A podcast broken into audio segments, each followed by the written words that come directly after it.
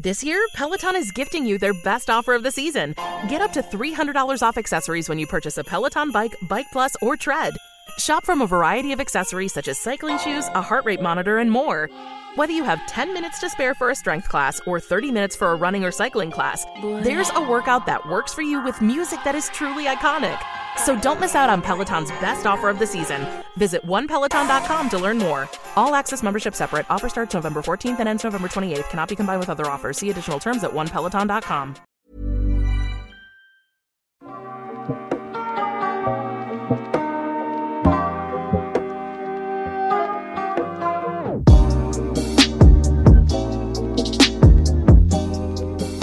Hi, my name is Zach, and together with Wikipedia, I'll help you fall asleep. Get cozy and relax. I'll read out loud to you. Today, Summer of Love. For love and peace.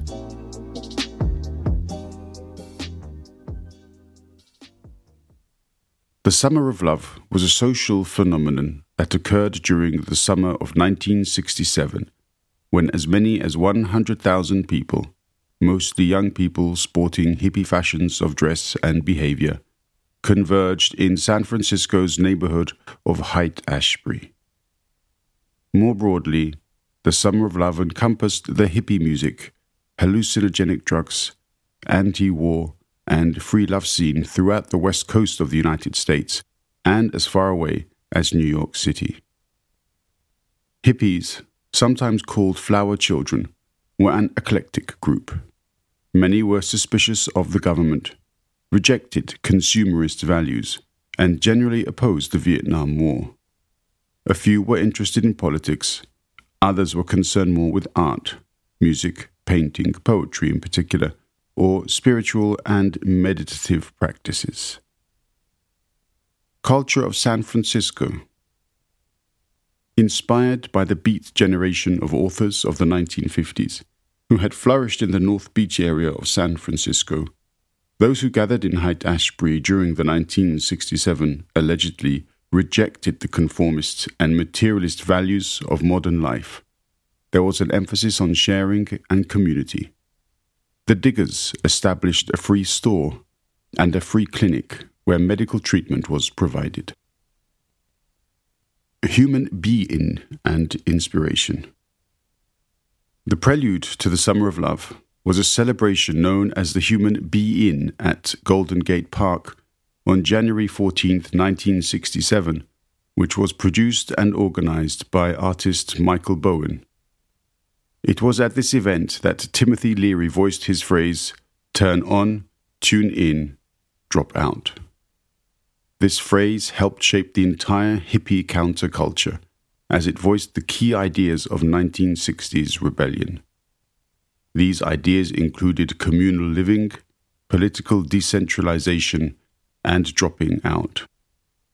The term dropping out became popular among many high school and college students, many of whom would abandon their conventional education for a summer of hippie culture.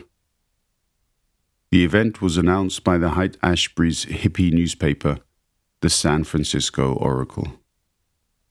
A new concept of celebrations beneath the human underground must emerge, become conscious, and be shared, so a revolution can be formed with a renaissance of compassion, awareness, and love, and the revelation of unity for all mankind. The gathering of approximately 30,000 at the Human Be-In helped publicize hippie fashions. Planning The term Summer of Love originated with the formation of the Council for the Summer of Love during the spring of 1967, as a response to the convergence of young people on the Haight Ashbury district. The council was composed of the Family Dog, the Straight Theatre, the Diggers, the San Francisco Oracle, and approximately 25 other people who sought to alleviate some of the problems anticipated from the influx of people expected during the summer. The council also assisted the free clinic and organized housing, food, sanitation, music, and arts, along with maintaining coordination with local churches and other social groups. Psychedelic poster artist Bob Schnepf was commissioned by Chet Helms to create the official Summer of Love poster, which became a lasting icon of the era. Youth arrivals. The increasing numbers of youth traveling to the Haight Ashbury district alarmed the San Francisco authorities, whose public warning was that they would keep hippies away. Adam Neiman, a long-time resident of the Haight Ashbury, recalls that the police did little to help the hordes of newcomers, much of which was done by residents of the area. College and high school students began streaming into the Haight during the spring break of 1967, and the local government officials, determined to stop the influx of young people once schools ended for the summer, unwittingly brought additional attention to the scene, and a series of articles in local papers alerted the national media to the hippies' growing numbers. By spring, some Haight Ashbury residents responded by forming the Council of the Summer of Love, giving the event a name. Popularization The media's coverage of hippie life in the Haight Ashbury drew the attention of youth from all over America. Hunter S. Thompson termed the district Hashbury in the New York Times Magazine, and the activities in the area were reported almost daily. The event was also reported by the counterculture's own media, particularly the San Francisco Oracle, the pass around readership of which is thought to have exceeded a half million people that summer, and the Berkeley Barb. The media's reportage of the counterculture included other events in California, such as the Fantasy Fair and Magic Mountain Music Festival in Marin County, and the Monterey Pop Festival, both during June 1967. At Monterey, approximately 30,000 people gathered for the first day of the music festival, with the number increasing to 60,000 on the final day. Additionally, media coverage of the Monterey Pop Festival facilitated the Summer of Love as large numbers of hippies traveled to California to hear favorite bands such as The Who, Grateful Dead, The Animals, Jefferson Airplane, Quicksilver Messenger Service, the Jimi Hendrix Experience, Otis Redding, The Byrds, and Big Brother, and the holding company featuring Janis Joplin. San Francisco, be sure to wear flowers in your hair. Musician John Phillips of the band The Mamas and the Papas wrote the song San Francisco, Be Sure to Wear Flowers in Your Hair for his friend Scott McKenzie. It served to promote both the Monterey Pop Festival that Phillips was helping to organize and to popularize the flower children of San Francisco. Released on May 13, 1967, the song was an instant success. By the week ending July 1, 1967, it reached number 4 on the Billboard Hot 100 in the United States, where it remained for four consecutive weeks. Meanwhile, the song charted at number one in the United Kingdom and much of Europe. The single is purported to have sold more than 7 million copies worldwide. New York City. In Manhattan, near the Greenwich Village neighborhood, during a concert in Tompkins Square Park on Memorial Day of 1967, some police officers asked for the music's volume to be reduced. In response, some people in the crowd threw various objects, and 38 arrests ensued. A debate about the threat of the hippie ensued between Mayor John Lindsay and Police Commissioner Howard Leary. After this event, Alan Katzman, the editor of the East Village Other, predicted that 50,000 hippies would enter the area for the summer. California double that amount, as many as 100,000 young people from around the world, flocked to San Francisco's Haight Ashbury district, as well as to nearby Berkeley and to other San Francisco Bay Area cities, to join in a popularized version of the hippieism. A free clinic was established for free medical treatment, and a free store gave away basic necessities without charge to anyone who needed them. The Summer of Love attracted a wide range of people of various ages. Teenagers and college students drawn by their peers and the allure of joining an alleged cultural utopia, middle class vacationers, and even partying military personnel from bases within driving distance. The Haight Ashbury could not accommodate this influx of people, and the neighborhood scene quickly deteriorated, with overcrowding, homelessness, hunger, drug problems, and crime afflicting the neighborhood. Denver.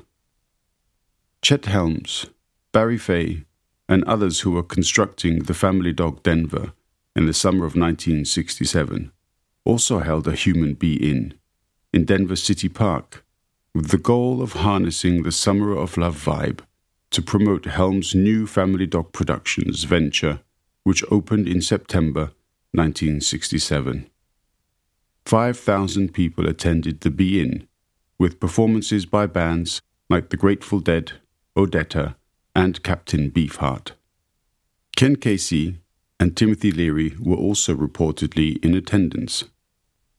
As Denver native Bruce Bond states in the 2021 documentary The Tale of the Dog, it's not like the Summer of Love ended in Frisco, it just moved east to Denver. Use of drugs. Psychedelic drug use became common. Grateful Dead guitarist Bob Weir commented Haight Ashbury was a ghetto of bohemians who wanted to do anything. And we did but I don't think it has happened since. Yet there was LSD, but Haight Ashbury was not about drugs.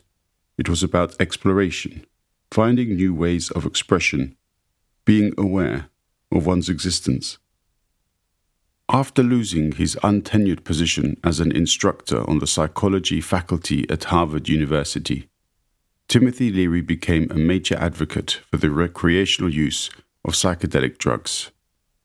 After taking psilocybin, a psychoactive chemical produced by certain mushrooms that causes effects similar to those of LSD, Leary endorsed the use of all psychedelics for personal development.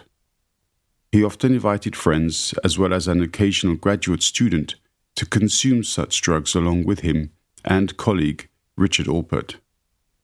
On the West Coast, author Ken Kesey a prior volunteer for a CIA sponsored LSD experiment, also advocated the use of the drug. Soon after participating, he was inspired to write the best selling novel One Flew Over the Cuckoo's Nest.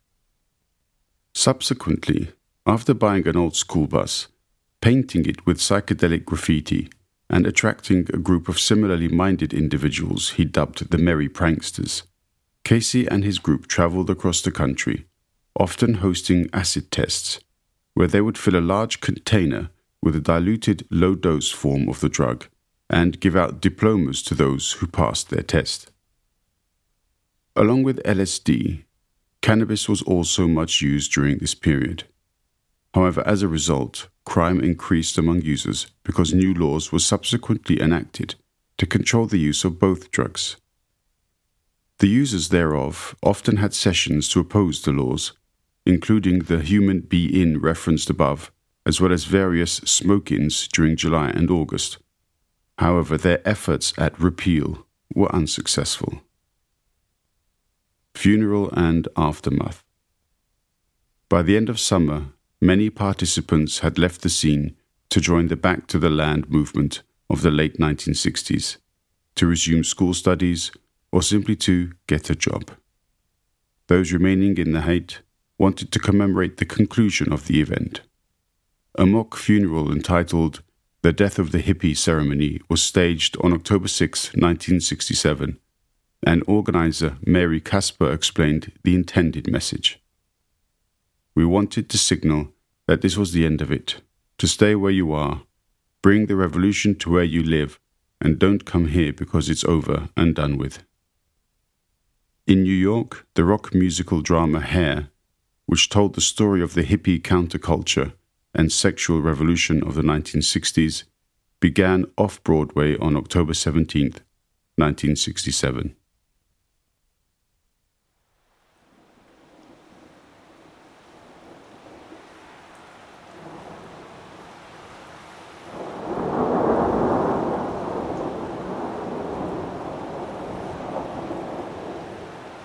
Hey, still awake? If you like this podcast, please hit subscribe and leave a rating in your podcast app.